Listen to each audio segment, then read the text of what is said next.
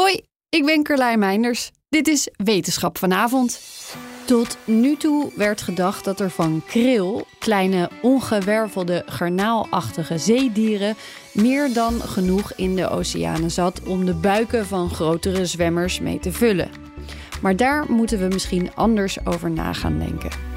Uit een nieuw onderzoek blijkt namelijk dat er een link is tussen de hoeveelheid kril in Antarctica en de grootte van de bultrugpopulatie. Hoe meer kril er was in het jaar voor walvisvrouwtjes zwanger werden, hoe succesvoller de zwangerschap.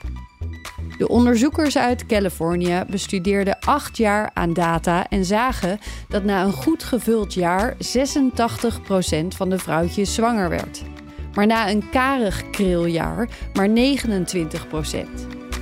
Verwacht wordt dat door klimaatverandering en de nog altijd toenemende visserij de hoeveelheid kril in het gebied alleen maar af zal nemen.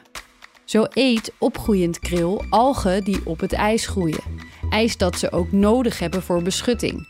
Minder ijs door opwarming betekent dus ook minder kril.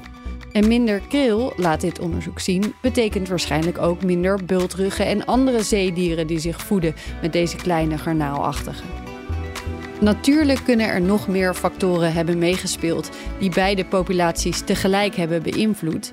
Maar één ding kan volgens de onderzoekers sowieso geen kwaad. Als er per se gevist moet worden naar kril, doe dit dan niet in Antarctica in de maanden waarin de walvissen het zelf zo hard nodig hebben. Is één minuutje wetenschap niet genoeg en wil je elke dag een wetenschapsnieuwtje? Abonneer je dan op Wetenschap vandaag.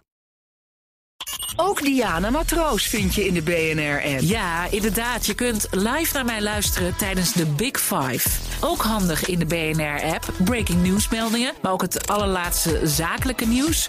En je vindt in de app alle BNR-podcasts, waaronder Wetenschap Vandaag. Download nu de gratis BNR-app en blijf scherp.